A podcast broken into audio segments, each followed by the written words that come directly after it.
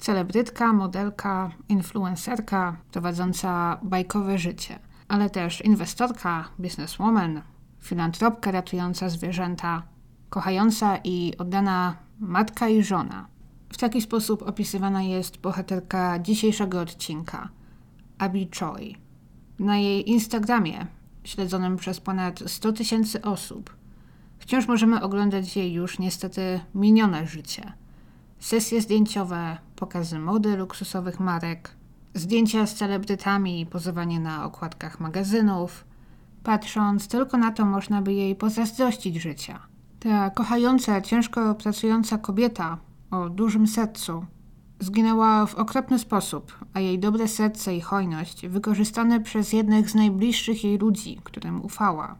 A jej ciało zostało znalezione przez policję rozczłonkowane w kuchennych garnkach. Witam ponownie w aneksie, moi kochani. Dziś przenosimy się do Hongkongu.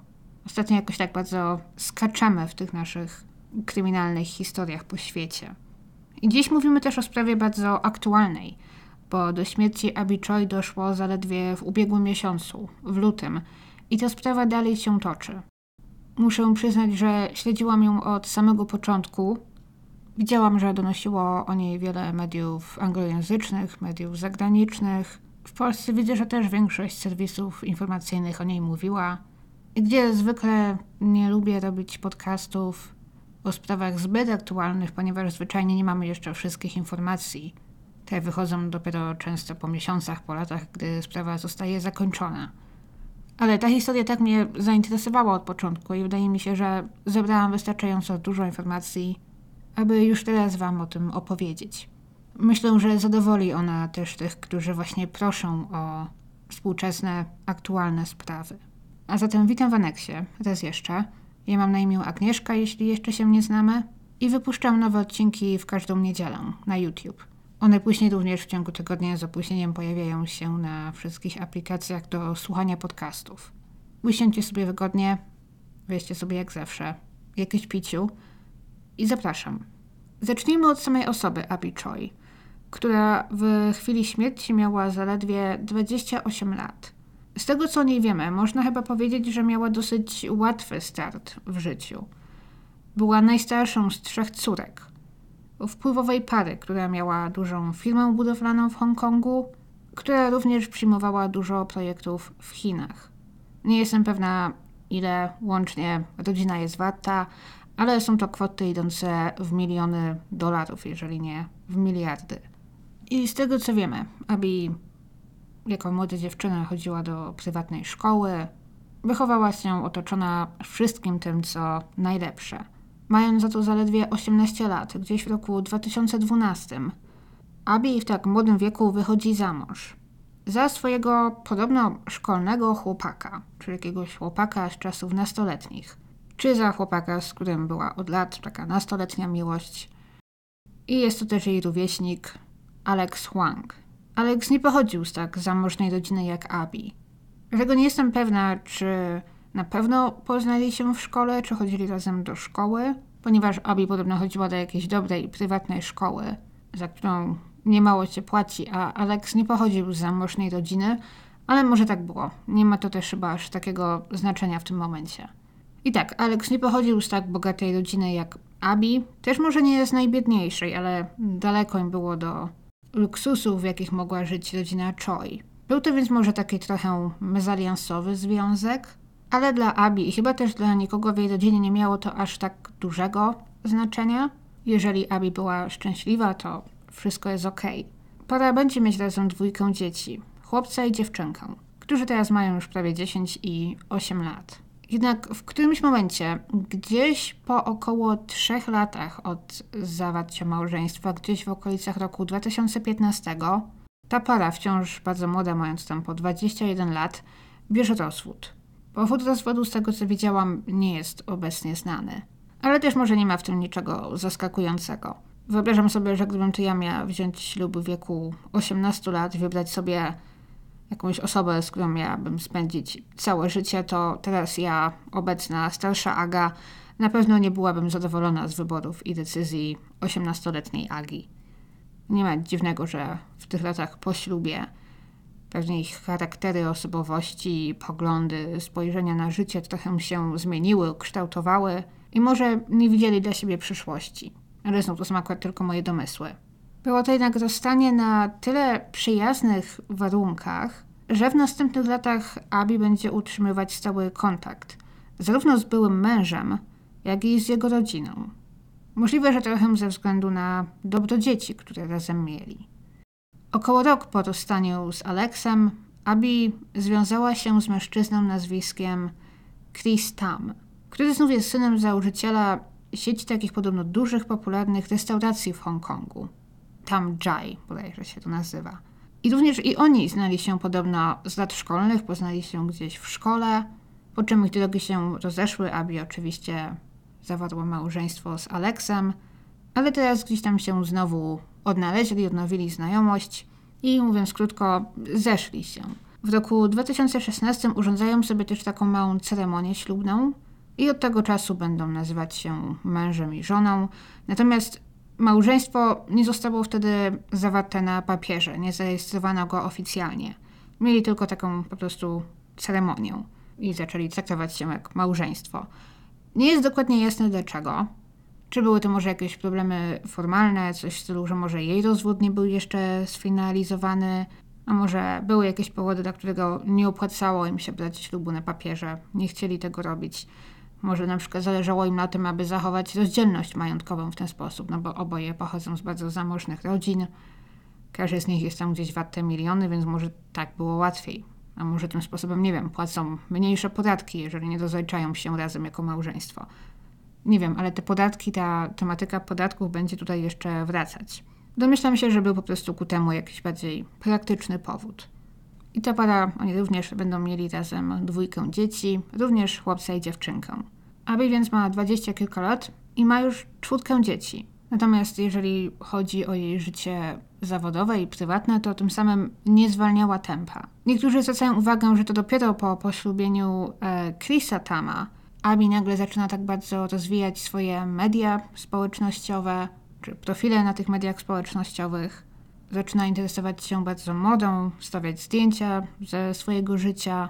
Wcześniej była na social media, ale też nie aż tak dużo. Natomiast też trzeba zauważyć, że wcześniej gdzieś tam, nie wiem, właśnie przed rokiem 2016 życie i zarabianie z takiego bycia influencerem, influencerką i dokumentowanie swojego życia na Instagramie nie było jeszcze tak powszechne, jak jest teraz na przykład. Ale tak, praktycznie zaraz po poślubieniu Chrisa, Abby zaczyna pokazywać takie swoje bardzo wystawne, bogate życie, czego nie robiła wcześniej. Wypłynęły też informacje o tym, że gdy była w związku z Alexem Huangiem, tym pierwszym mężem, to para mieszkała w jakimś takim mniejszym trzypokojowym, znaczy może jak na Hongkong trzypokojowe mieszkanie nie jest takie mniejsze znowu, ale było to takie mieszkanie, które bardziej zaliczało się podobno gdzieś tam do klasy średniej, może średniej wyższej, ale osób powiedzmy mniej zamożnych.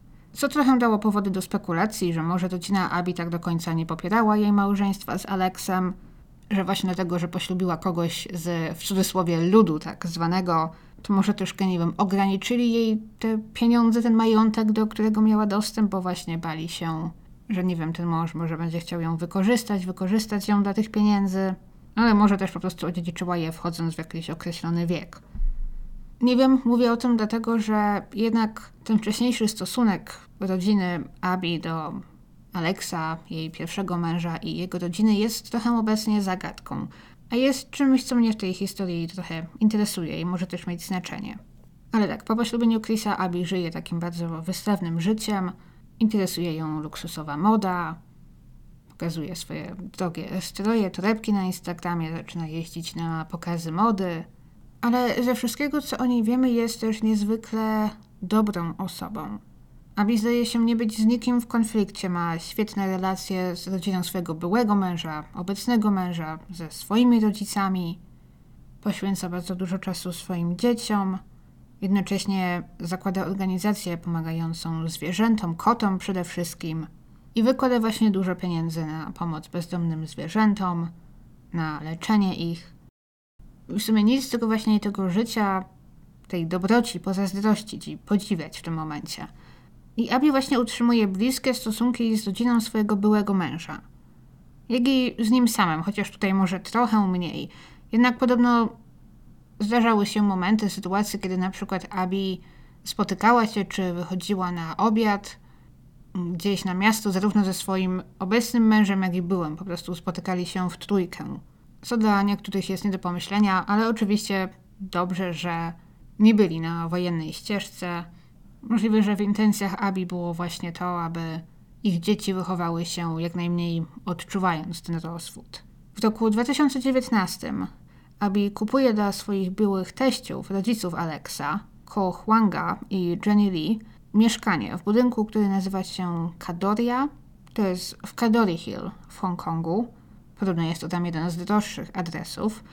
I Abi płaci za to mieszkanie z góry, równowartość 9 milionów dolarów amerykańskich. I robi to tak w zasadzie w zamian za nic, z tego co wiemy. Bo teściowie mogą tam mieszkać zupełnie za darmo, nie muszą jej nawet płacić jakiejś symbolicznej ceny za wynajem czy czegoś dla niej w zamian za to robić. Trochę tak jakby Abi wierzyła, że nawet po rozwodzie jestem gdzieś może finansowo odpowiedzialna za swoich znacznie biedniejszych teściów, teściów w gorszej sytuacji finansowej. I ci tak po prostu dostają od niej naprawdę luksusowe mieszkanie.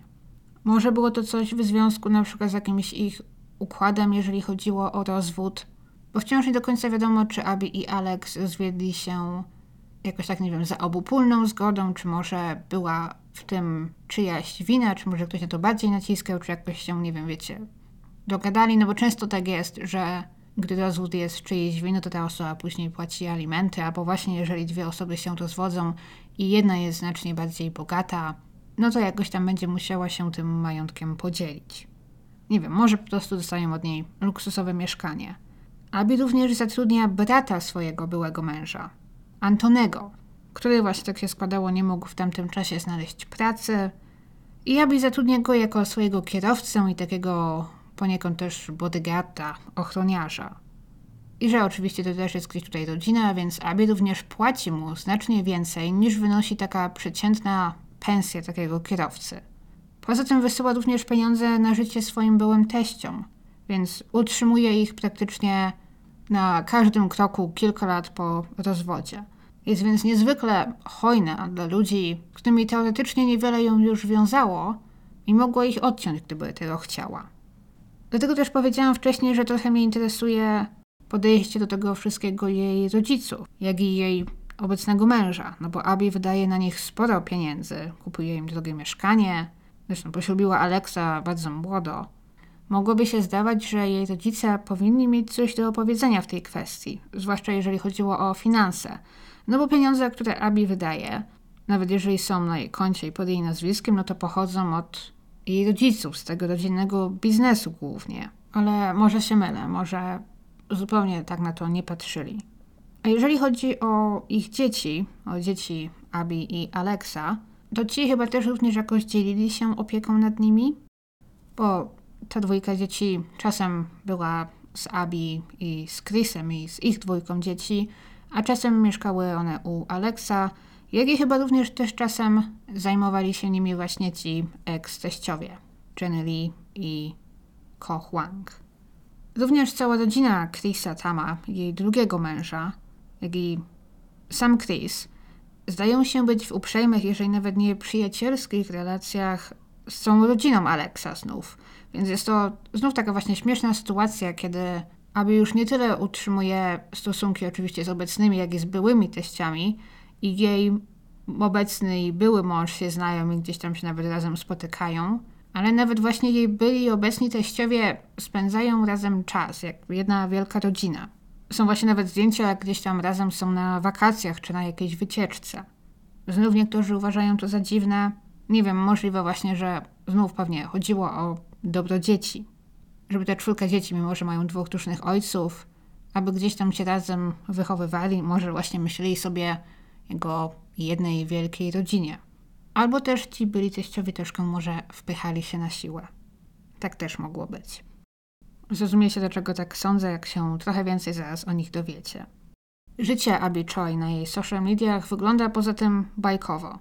Zawsze uważam za takie hipnotyzujące, co właśnie w szczególności azjatyccy celebryci, influencerzy pokazują na swoich profilach. bo zawsze wyglądają zjawiskowo, otoczeni luksusami, elegancją. Po prostu wszystkiego im można pozazdrościć i, i śledzenie ich życia jest takim moim małym guilty pleasure, mimo że wiem, że spora część tego, co widzimy, jest tylko na pokaz. To chyba właśnie też dlatego ta sprawa tak od początku mnie zainteresowała, bo Abi na swoich zdjęciach wygląda wręcz jak księżniczka. Pokazuje tam zdjęcia z różnych profesjonalnych sesji zdjęciowych, pojawia się na okładkach magazynów, relacjonuje ostatni tydzień mody, pozuje z różnymi znanymi gwiazdami. Są tam jej zdjęcia innymi z aktorką Anią Taylor-Joy, z wieloma innymi celebrytami, głównie z Chin, Hongkongu, Korei. Jest to trochę dziwne uczucie, bo na jej Instagramie wciąż właśnie można w tych zapisanych stories tam oglądać wszystkie zdjęcia, relacje. To był bodajże paryski tydzień mody, który miał miejsce gdzieś pod koniec stycznia bodajże. I właśnie dziwnie się to ogląda, myśląc, że w czasie, gdy Abi tam była, gdy pojawiała się na pokazach, pozowała do zdjęć fotografów, jadła w drogich restauracjach, w domu w Hongkongu byli bardzo jej bliscy ludzie, którym ufała, którzy już w tym momencie prawdopodobnie planowali jej śmierć. Niedługo przed swoją śmiercią Abi pojawiła się na okładce magazynu L'Officiel Monaco i w tym magazynie została innymi nazwana wschodzącą gwiazdą czy ikoną mody, trendseterką i okładką tą dumnie, oczywiście słusznie, pochwaliła się na swoim Instagramie. To też będzie jej ostatni post. Bo tak dochodzimy do 21 lutego 2023 roku oczywiście, więc od tych wydarzeń nie upłynął nawet jeszcze miesiąc. Wtedy też mąż Abi otrzymał telefon ze szkoły ich dzieci. Nikt się nie pojawił, aby odebrać je po zajęciach. A Chris wiedział, że to Abi pojechała je tego dnia odebrać. Najwyraźniej jednak nigdy tam nie dotarła a jej telefon milczał. Skontaktował się z kilkoma najbliższymi ludźmi, ale nikt nie miał pojęcia, co mogło się stać i gdzie Abi może być. To zupełnie nie było w jej stylu. Nawet jeżeli coś by się opóźniło, coś by się stało, coś by jej wypadło, Abi zawsze dałaby komuś znać. Od razu załatwiłaby kogoś, aby za nią odebrał jej dzieci, nigdy od tak by ich nie porzuciła. I jej bliscy dosyć prędko zgłaszają jej zaginięcie, jeszcze tego samego popołudnia. Ich początkowe obawy były albo takie, że Abi uległa jakiemuś wypadkowi i jest teraz w jednym ze szpitali, może są problemy z ustaleniem jej tożsamości i nikt się jeszcze z nimi nie skontaktował, albo co jeszcze bardziej ich martwiło, że Abi mogła zostać podawana dla okupu. Zwłaszcza właśnie, że w ostatnich miesiącach było o niej coraz głośniej, gdzieś tam zyskiwała powoli popularność i dosyć łatwo było odkryć, ustalić, że po pierwsze pochodzi z bardzo zamożnej rodziny, po drugie, że poślubiła kogoś z bardzo zamożnej rodziny, więc nie było to tak zupełnie niewykluczone. I policja w Hongkongu zdaje się od razu brać ich obawy na poważnie. Od razu przystępują do działania jeszcze tego samego popołudnia i wieczoru. Więc w tym wypadku chyba rodzina nie słyszy niczego w stylu pewnie uciekła, jest dorosła, musimy jeszcze zaczekać, może miała dość męża i dzieci i uciekła, ochłonie to wróci. Czasem rodziny ofiar słyszą takie rzeczy. Ale w tym wypadku tego nie ma. Nie wiem, czy wynika to bardziej z tego, że policjanci są tak profesjonalni, czy z tego, że jej rodzina jest taka wpływowa i bogata. Zaczynają oczywiście od skontaktowania się rozmowy ze wszystkimi znajomymi, wszystkimi bliskimi Abi, jak i sprawdzają zapis z kamer w pobliżu ich mieszkania, w ich budynku, i ustalają, że Abby po raz ostatni jest na nich faktycznie widziana popołudniem tamtego dnia, jak siada do samochodu, aby zapewne pojechać odebrać swoje dzieci, około godziny 14.15. I już następnego dnia, 22 lutego, policja upubliczniła wiadomość o jej zaginięciu, jednak nie od razu zyskuje ona taki światowy rozgłos. Do tego dojdzie dopiero za parę dni. Teraz już wiemy, że nawet gdy policjanci ogłaszali jej zaginięcie i podawali podstawowe informacje o tym, gdzie była po raz ostatni widziana, jak była ubrana, to już w tym momencie mieli całkiem dobre pojęcie, kto odpowiada za jej zaginięcie i to dlatego, że podejrzani prawie, że sami im się podłożyli. Bo Chris tam, tamtego wieczoru, gdy Abby zaginęła już po zgłoszeniu jej zaginięcia na policję, otrzymał bardzo dziwny telefon od Alexa Huanga, byłego męża. Alex był wściekły i krzyczał na niego, że dlaczego tak szybko wezwał policję. Abi zniknęła na kilka godzin, a ci już wzywają policję i teraz policja do nich przyjechała i zadaje im pytania. Dlaczego nie dał im znać, że policja do nich przyjedzie? Był strasznie wściekły z tego powodu, czego Chris nie rozumiał. Dodatkowo, jak później ujawnią policjanci, właśnie w czasie tej początkowej rozmowy, w dniu zaginięcia Abi, gdy próbowali tylko, wiecie, dowiedzieć się tych podstawowych informacji, kiedy kto ostatni raz rozmawiał z Abi, gdzie ewentualnie był w momencie jej zaginięcia, takie dosyć podstawowe, rutynowe pytania, to rodzina Huang, czyli rodzina byłego męża, teściowej i tak dalej, wszyscy od razu byli niesamowicie wrogo nastawieni i niechętni do zupełnie jakiejkolwiek współpracy. Unikali udzielenia odpowiedzi nawet na najprostsze pytania. Więc no, siłą woli zasłużyli sobie na to, aby wziąć ich na tapet. Gdyby nie to, może tak szybko by na to nie wpadli. Ale jaki motyw mogła mieć rodzina jej byłego męża, czy sam były mąż? Przecież Abi kupiła teściom mieszkanie, dawała im kieszonkowe, zatrudniła Antonego, brata Aleksa, jako kierowcę, płaciła mu. Bez niej przecież tracili jedyne źródło utrzymania tak naprawdę. Dosyć prędko jednak odkryli, że były przesłanki, że Abi mogła chcieć poniekąd troszkę ich od siebie odciąć, czy trochę ograniczyć to wsparcie. Kilka tygodni wcześniej na przykład rozpoczęła proces e, wystawiania tego mieszkania, w którym oni mieszkali, na sprzedaż. Co oczywiście spotkało się z ich dużym sprzeciwem. Zwłaszcza, że podobno byli przekonani przez cały czas, że to jedynie oni mogą to mieszkanie sprzedać albo wyrazić zgodę na sprzedaż. Ponieważ Abi, kupując je w roku 2019, zapisała je na swojego byłego teścia Ko Huanga. Lecz Abi poradziła się prawnika i odkryła, że jeżeli udowodni, że to ona w całości zapłaciła za mieszkanie, a nie oni, to jest w stanie uzyskać do niego prawa i móc tym samym wystawić je na sprzedaż. Czy im się to podoba, czy nie. To nie oznacza jednak wcale, że miała zamiar ich wyrzucić na bruk, że miała im zamiar powiedzieć pakować się i wynocha i nie chcę już mieć z wami nic wspólnego, a jedynie miała ich przenieść do innego mieszkania. Możliwe jednak, że to mieszkanie po prostu nie było już tak luksusowe i prestiżowe jak to. To pewnie jeszcze wiązało się oczywiście z niedogodnością dla nich, co również im się nie podobało. No bo co, no bo teraz mieszkali sobie tutaj dobrze kilka lat, a teraz ona każe im się spakować i przenosić gdzieś indziej. No na co to wszystko, skoro im jest tutaj dobrze? Ani śniło im się przenosić. I znów tutaj może wszystkie aspekty tej sprawy nie są zupełnie jasne, ale widziałam też takie podejrzenia, że możliwe, że od początku to było właśnie tak ustalone z nimi, że Abi, gdy kupowała to mieszkanie, to pozwoliło im tam mieszkać jedynie na jakiś czas, a później miała ich przenieść. I dlatego też zapisała je na nazwisko swojego teścia. Ponieważ gdyby kupiła je pod swoim nazwiskiem, w momencie, gdy miała już jakieś inne swoje mieszkanie, główne miejsce zamieszkania, od tych kolejnych nieruchomości musiałaby zapłacić duży podatek. Tak to działa w wielu miejscach, w szczególności w takich miejscach jak w Hongkongu, gdzie gęstość zaludnienia jest, lekko mówiąc, duża gdzie każdy metr kwadratowy jest na wagę złota. Jeżeli ktoś kupuje swój pierwszy dom czy pierwsze mieszkanie, takie główne mieszkanie, w którym ma zamiar mieszkać, to nie płaci od tego żadnego dużego podatku.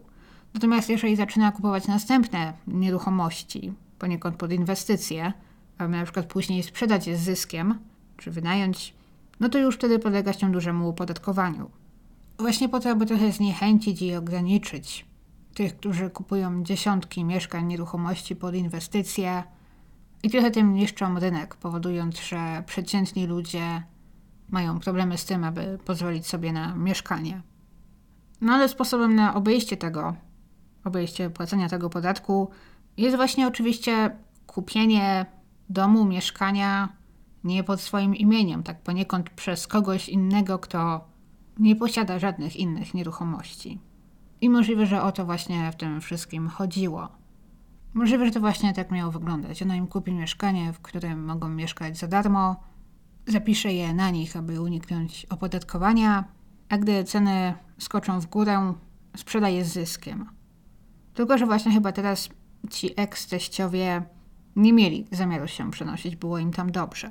Więc to w połączeniu z faktem, że rodzina Huang zachowywała się niezwykle dziwnie, wrogo i tak podejrzanie, plus fakt, że Abi była ostatni raz wsiadana, wiedziana do samochodu, ale nie ona prowadziła ten samochód, bo był on kierowany właśnie przez Antonego Huanga. Wszystko to od razu ściągnęło podejrzenia na niego i na całą rodzinę Huang. Powiedziałam, że na początku zniknięcie Abi nie nabrało rozgłosu. Może jedynie w Hongkongu o niej mówiono.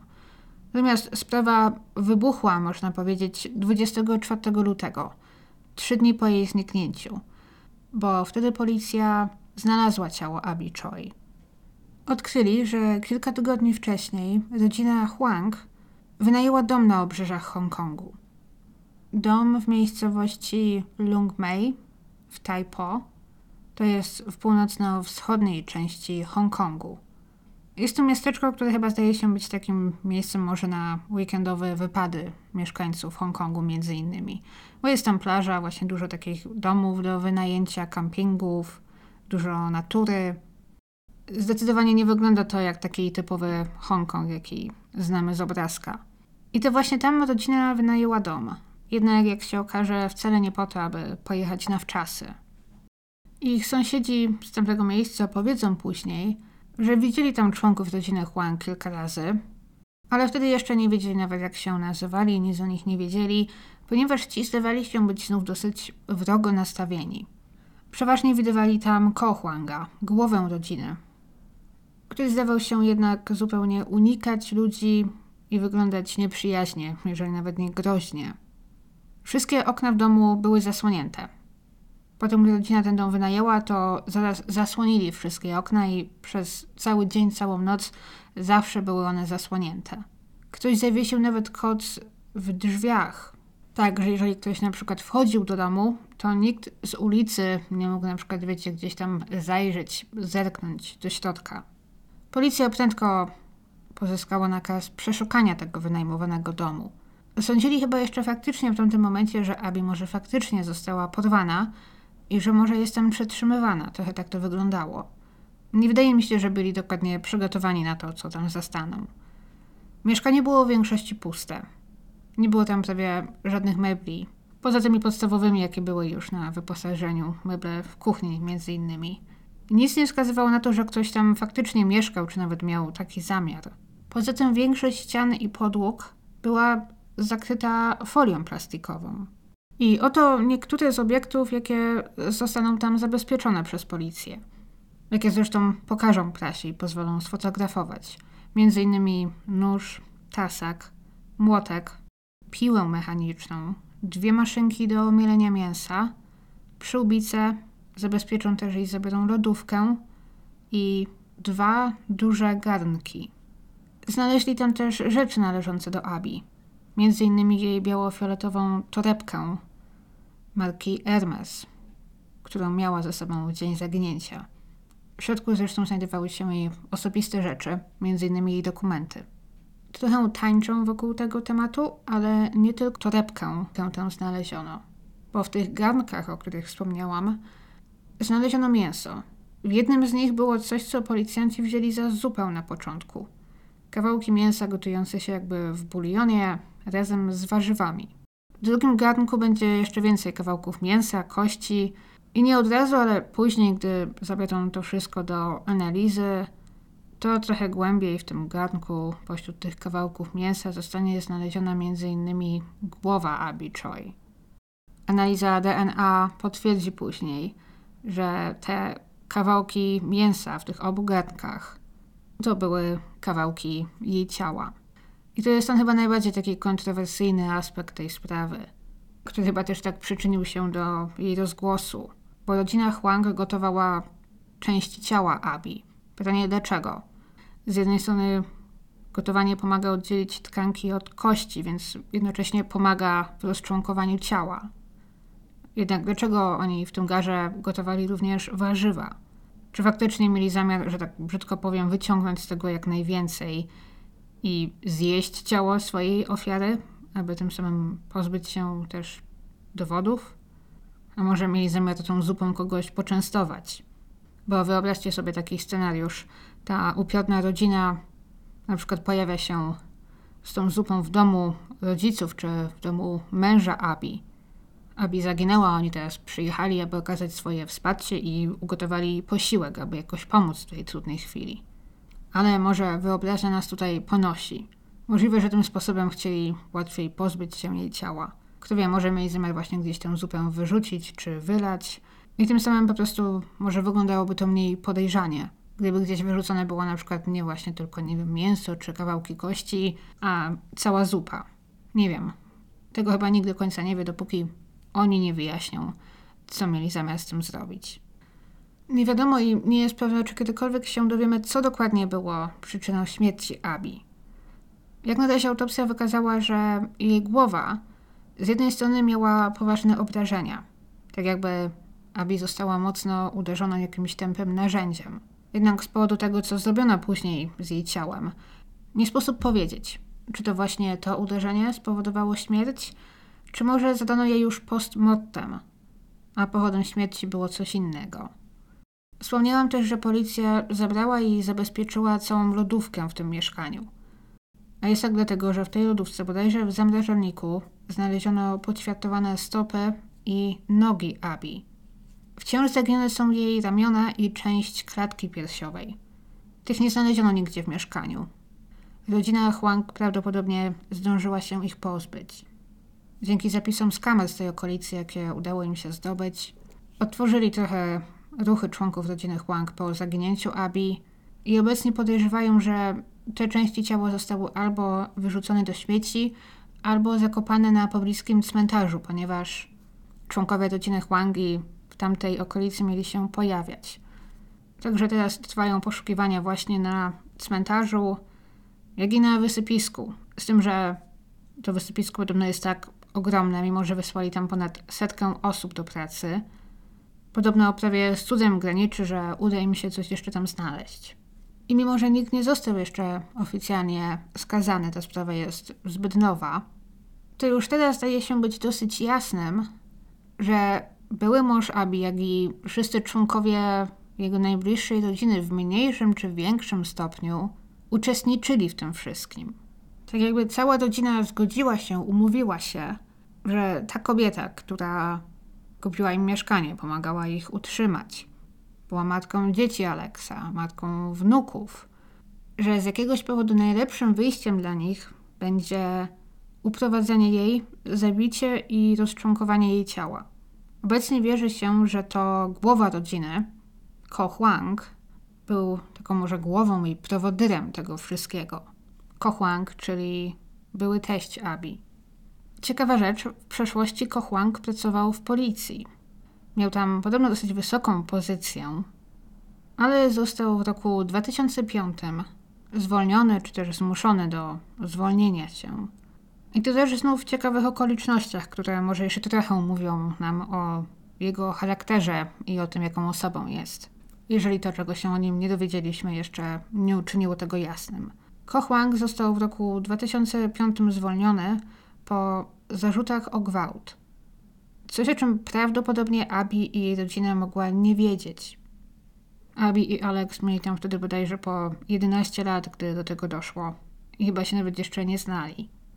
Mało kto chyba w ogóle wcześniej o tym wiedział. Ale teraz ta historia wypłynęła na światło dzienne. I brzmi okropnie.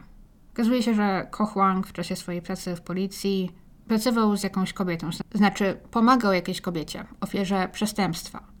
Prowadził tam przez jakiś czas śledztwo w sprawie jej zgłoszenia i podobno przez cały czas był dla niej niezwykle miły, okazywał wsparcie, zrozumienie, obiecywał, że doprowadzi jej sprawę do końca. No i pozytywnie ją tym zaskoczył, jeżeli chodzi właśnie o pracę w policji. Do czasu, bo podobno gdzieś tam poniekąd wykupił sobie jej ufność. Po czym przyszedł do jej mieszkania w nocy, gdy była sama. Niby oczywiście, że w sprawie tego śledztwa został wpuszczony do środka, po czym zgwałcił ją. Kobieta zgłosiła to na policję, co doprowadziło właśnie do tego, że Huang został zwolniony. Ale nigdy nie poniósł żadnej innej kary za to, co zrobił. Sam uważał, że do niczego takiego nie doszło. Chociaż patrząc na obecne wydarzenia, wierzę, że było właśnie tak, jak mówi jego ofiara.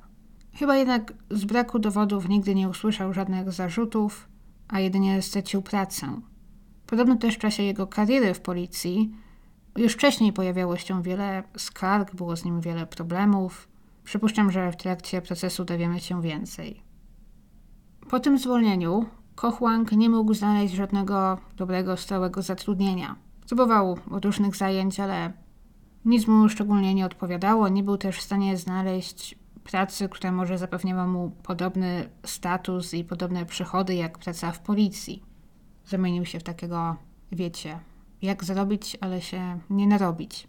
Możemy się więc domyślać jedynie, że przyklasnął i zatańczył ze szczęścia, gdy jego 18-letni syn Alex oświadczył, że bierze ślub z Abby Choi, pochodzącą z rodziny wartej miliony.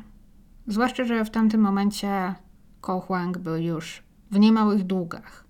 To właśnie może też tłumaczyć, dlaczego rodzina Huang zdawała się być tak, nie wiem, obecna w życiu Abby Choi. Odgrywali takich przyjaciół, pojawiali się razem na zdjęciach, byli razem na wakacjach. Po prostu wykorzystywali jej dobroć. Ale okazuje się, że cała rodzina Huang to była w zasadzie rodzina oszustów i kłamców. Z tego powodu są też teraz przez media porównywani do rodziny z filmu Parasite. Ciekawa jest też osoba Alexa, byłego męża Abi, bo okazuje się, że po ich rozstaniu Alex został praktycznie pełnoetatowym oszustem.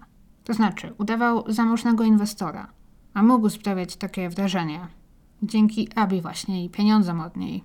Mógł stawiać na Instagrama czy na aplikacje randkowe zdjęcia z drogich miejsc. I właśnie używając aplikacji randkowych umawiał się na randki z mężczyznami. W czasie tej randki przedstawiał się jako inwestor i handlarz złotem. I jak to na pierwszej randce bywa, każda strona opowiada o tym, co robi w życiu, gdzie pracuje, no to on opowiadał o tej swojej rzekomej pracy. Opowiadał, jak to kupuje złoto, kupuje sztabki złota w czasie, gdy jego ceny spadają i sprzedaje je znów, gdy ceny zaczynają wzrastać. No i właśnie zachwalał sobie, jaka to jest świetna inwestycja, że jest to jego pełna etatowa praca, jak sobie świetnie radzi. I zawsze twierdził, że właśnie dopiero co kupił bardzo dużo złota, ponieważ ceny spadły i wie, że za kilka miesięcy sprzedaje z dużym zyskiem. I tam nawet właśnie szacował, wyliczał, ile może zarobić. I był podobno w tym tak przekonujący, że ta pierwsza randka często kończyła się tak, że ten nowo poznany mężczyzna, czy też kobieta, bo podobno w niektórych przypadkach były to też kobiety, Alex naciągał wszystkich, nie dyskryminował ze względu na płeć. Ta pierwsza randka zwykle kończyła się tak, że szli razem do sklepu i ta osoba kupowała złoto dla siebie jako inwestycję. Nie, że dawała Aleksowi pieniądze, nie, że jemu coś kupowała, po prostu kupowała to złoto dla siebie, za swoje pieniądze i nikt nie wyczuwał w tym oszustwa, no bo jaki Aleks miałby mieć w tym zysk? Z tym, że później, jeżeli randka często kończyła się w domu tej osoby i Aleks spędzał tam noc, to zawsze kończyło się to tak, że następnego dnia ofiara budziła się o poranku, a po Aleksie i po tym kupionym złocie nie było już śladu. Zwyczajnie ich okradał. Oczywiście na aplikacji randkowej był już zablokowany, zresztą imię i wszystkie inne dane, jakie używał, były oczywiście i tak fałszywe. I Alek sobie szedł sprzedać to złoto potem. Znów Abby prawdopodobnie nic o tym nie wiedziała. To już było potem, gdy się rozstali. Jedyną osobą w tej rodzinie, która zdaje się miała jakąś pracę, faktycznie jakąś pracę wykonywała, był jego brat, Antony, który jak wiemy został prywatnym kierowcą i takim po trochu ochroniarzem Abby. Więc znów utrzymywał się tylko dzięki Abi, no ale faktycznie pracował dla niej. I tu też chyba dużo mówi. Abi musiała mu ufać. Znów zdaje się, że relacja między nimi była bardzo dobra. Antony zresztą często wstawiał zdjęcia Abi na social media i w hashtagach w opisach nazywał ją siostrą. Wcześniej też podobno Abi zainwestowała w jakąś małą restaurację, którą Antony chciał otworzyć i otworzył, ale okazało się być ona zupełną klapą. Czy w tym wszystkim chodziło tylko o to luksusowe mieszkanie? Czy to o to poszło? Takie nagłówki też się pojawiają, takie donosy, że Abi zginęła z powodu sporu o mieszkanie. Czy rodzina Huang faktycznie tak bardzo nie chciała się z tego mieszkania wyprowadzać, że byli gotowi pozbawić Abi życia? Ale co dalej? Co z pieniędzmi, które im zapewniała? Przecież nie mogli liczyć na to, że teraz jej rodzice albo Chris Tam będą na nich łożyć. Abi była też w tamtym momencie rozwiedziona z Aleksem, więc też ten na pewno nie odziedziczyłby po niej żadnych pieniędzy, z tego co wiemy. Więcej sensu miałoby, gdyby próbowali pozbawić ją życia na przykład jeszcze w trakcie małżeństwa, czy tuż przed rozwodem. Co z tego, że mogliby zatrzymać to mieszkanie, skoro straciliby te pieniądze, które Abi co miesiąc im przekazywała. Obecnie motyw więc przedstawia się następująco. Wierzy się, że fortuna Abi po jej śmierci miała zostać równo rozdzielona pomiędzy jej dzieci. A jako, że te były niepełnoletnie, to zapewne nie uzyskałyby pełnego dostępu przynajmniej do tej fortuny do czasu uzyskania pewnie 18 lub 21 lat. Prawdopodobnie do tego czasu pieniądze, które przypadłyby tej najstarszej dwójce, dwójce, którą Abi miała z Aleksem, byłyby najprawdopodobniej właśnie zarządzane przez ich ojca, przez Aleksa. Tym samym dając mu kontrolę i w zasadzie mógłby przejąć i zarządzać połową jej majątku. Zdaje się, że to właśnie na tym im zależało. Gdy 21 lutego Abi wsiadła do samochodu, aby odebrać swoje dziecko, to za kierownicą oczywiście jak zawsze siedział Anthony Huang. Policja między innymi dzięki wszechobecnym kamerom zdołała ustalić, że Antony prawdopodobnie zatrzymał się w dosyć odludnym miejscu i tam do samochodu wsiadł nagle prawdopodobnie właśnie jego ojciec, Ko Huang. I oni albo razem w dwójkę, albo jedynie Ko zaatakował Abi, która prawdopodobnie nawet nie zdążyła się zorientować, że dzieje się coś złego i wezwać pomoc. Abi, wiemy, ufała Antonemu, pewnie też ufała swojemu byłemu teściowi. Stamtąd kobieta została zabrana prosto do wynajętego domu w Lung Mei, gdzie prawdopodobnie zginęła jeszcze tego samego dnia, albo może i zginęła już w samochodzie. W następnych dniach ciało w jej mieszkaniu zostało rozczłonkowane, w czym uczestniczyli prawdopodobnie trzej mężczyźni: Ko Huang i jego synowie Alex i Antony. Z tego co wiedziałam, obecnie nie ma żadnych dowodów na to, aby ich matka i żona Huanga, Jenny Lee, w tym uczestniczyła. Jednak i ona została już zatrzymana, nie z zarzutem o morderstwo, lecz o pomoc w ukrywaniu swojego syna, Alexa. Bo oczywiście ustaliwszy to wszystko, zobaczyli, innymi dzięki kamerom, kto prawdopodobnie był obecny w tym wynajętym domu w momencie, gdy ciało Abi zostało rozczłonkowane, to zaresztowano właśnie. Po pierwsze Ko Huanga, w drugiej kolejności Antonego, natomiast Alexa nigdzie nie było i Jenny Lee została właśnie aresztowana za pomoc w ukrywaniu go. Alex został już zatrzymany w momencie, gdy próbował uciec z Hongkongu na łodzi. Zatrzymano go w niewielkim porcie na wyspie Lantau. Miał przy sobie jedynie kilka najpotrzebniejszych rzeczy, dużo gotówki, biżuterii i drogich zegarków. Wszystko łącznie warte około kilku milionów dolarów. Miał zapewne nadzieję uciec za granicę. Także cała czteroosobowa rodzina została zatrzymana, a ojciec i dwóch synów usłyszeli zarzuty o morderstwo, bezczłonkowanie ciała i próbę pozbycia się go. Wszystko też wskazuje na to, że morderstwa dokonano z premedytacją. To nie było na przykład tak, że może Abi wdała się z Antonem czy z Kochłangiem w jakąś kłótnię, awanturę i zginęła w afekcie. To najwyraźniej wszystko było dokładnie zaplanowane i przemyślane. Świadczyć może o tym m.in. właśnie wynajem tego domu na obrzeżach miasta, fakt, że od razu zasłonili w nim okna, drzwi, że ściany, podłogi, wszystko było bardzo starannie zasłonięte folią. Obecnie istnieje przekonanie, że za tym planem stał właśnie Ko Huang, który wcześniej pracował w policji i który pewnie właśnie stworzył sobie, ułożył jakiś plan, który miał pomóc mu pozbyć się ciała. I chyba faktycznie sądził, że ujdzie im to wszystko na sucho. To też chyba wyjaśnia tę wściekłość Aleksa, gdy Kristam i jego rodzina zgłosili zaginięcie Abi już tego samego popołudnia. Sądzili oni prawdopodobnie, że może będą mieli trochę więcej czasu, że może do zgłoszenia dojdzie na przykład dopiero następnego dnia, a nie, że policja pojawi się na ich progu i będzie wypytywać o Abi już tego samego wieczoru. Ale to nie koniec. Niedawno policja zaaresztowała też 47-letnią kobietę, która okazała się być znowu kochanką teścia, Kochłanga. Ona została zatrzymana również za pomoc w ukrywaniu i w ucieczce Alexa. Nie wiem, czy Jenny Lee, żona pana Huanga, wiedziała o tym, że ten ma znów kochankę, której zresztą podobno kupił mieszkanie. Ta kobieta, z tego co nie wiemy, pracowała jako hostessa gdzieś w klubie w Hongkongu. Podobnie jak Lucy Blackman i Carita Ridgway z niedawnego odcinka. I współpracownicy niedawno opowiedzieli prasie, że właśnie chwaliła się, że poznała jakiegoś bogatego faceta, który kupił jej mieszkanie i że teraz będzie ustawiona na całe życie. Mówiła zapewne o Kochłangu. Nie wiadomo jednak, czy ona była od początku wmieszana w plan morderstwa Abi, czy może po prostu po fakcie próbowała pomóc Aleksowi.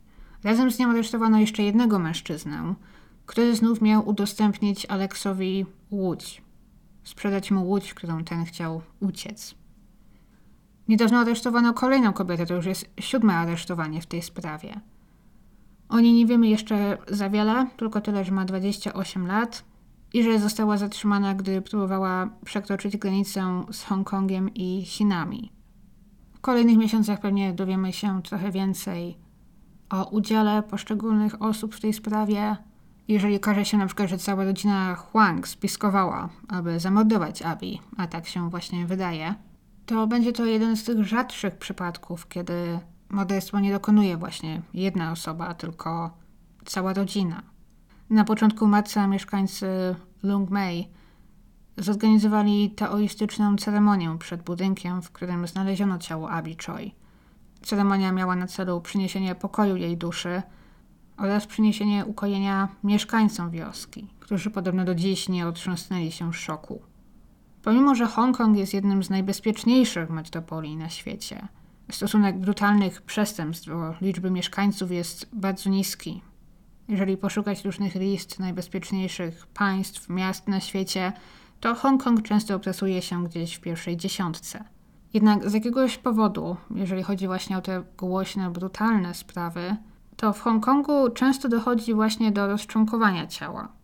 Chyba najgłośniejszą taką sprawą było tak zwane Hello Kitty Murder z roku 1999, kiedy to ciało hostessy z klubu nocnego, kobiety nazwiskiem Fan Men Yi, a w zasadzie nie ciało, tylko jej głowę, znaleziono ukryte w wielkiej maskotce Hello Kitty. Z tego co pamiętam, reszta jej ciała nie została nigdy znaleziona. Kobieta została uwięziona i była torturowana w mieszkaniach w centrum miasta przez około miesiąc przez gangsterów za rzekome długi. Została praktycznie zamęczona na śmierć, po czym jej ciało rozczłonkowano i w kawałkach wyniesiono z mieszkania poza głową. A znów w roku 2015, stosunkowo niedawno, mężczyzna nazwiskiem Henry Chow w Hongkongu zabił swoich rodziców, z którymi mieszkał. Po czym właśnie pokawałkował i ugotował fragmenty ich ciał. Nie wiem, czy to odświadczenie może w tym wypadku trochę wynika z tego, że ludzie żyją tak gęsto w zabudowanym mieście, w ścisku wręcz, i do tego teraz wszędzie są kamery, że nie sposób ukryć czy pozbyć się ciała w jakikolwiek inny sposób. I to może nie wynika tyle z tego, że, nie wiem, mordercy w Hongkongu są bardziej okrutni i bardziej makabryczne morderstwa, a może właśnie bardziej z tego, że jest to jedyny sposób, jaki przychodzi im do głowy, jeżeli chodzi o pozbycie się ciała. Tak czy inaczej, okropna sprawa. Mam nadzieję, że przynajmniej dzieci Abi zostaną otoczone opieką przez dziadków, przez Chrisa Tama i że gdzieś tam zostaną przynajmniej uchronione od tej burzy medialnej, która teraz wybuchła. Jeżeli w tej sprawie pojawi się jakiś duży przełom, jeżeli wyjdą nowe informacje, że dowiemy się znacznie więcej, może po tym, gdy zapadną wyroki, to zapewne usłyszymy się w jakiejś aktualizacji. Dzięki wszystkim za słuchanie. Przypominam o upewnieniu się, że przycisk subskrybuj macie włączony na YouTube, czy zostawienia łapki w górę lub komentarza, czy też wystawienia mi oceny w aplikacji do podcastów, której używacie. Słyszymy się za tydzień. Jesteście super. Trzymajcie się.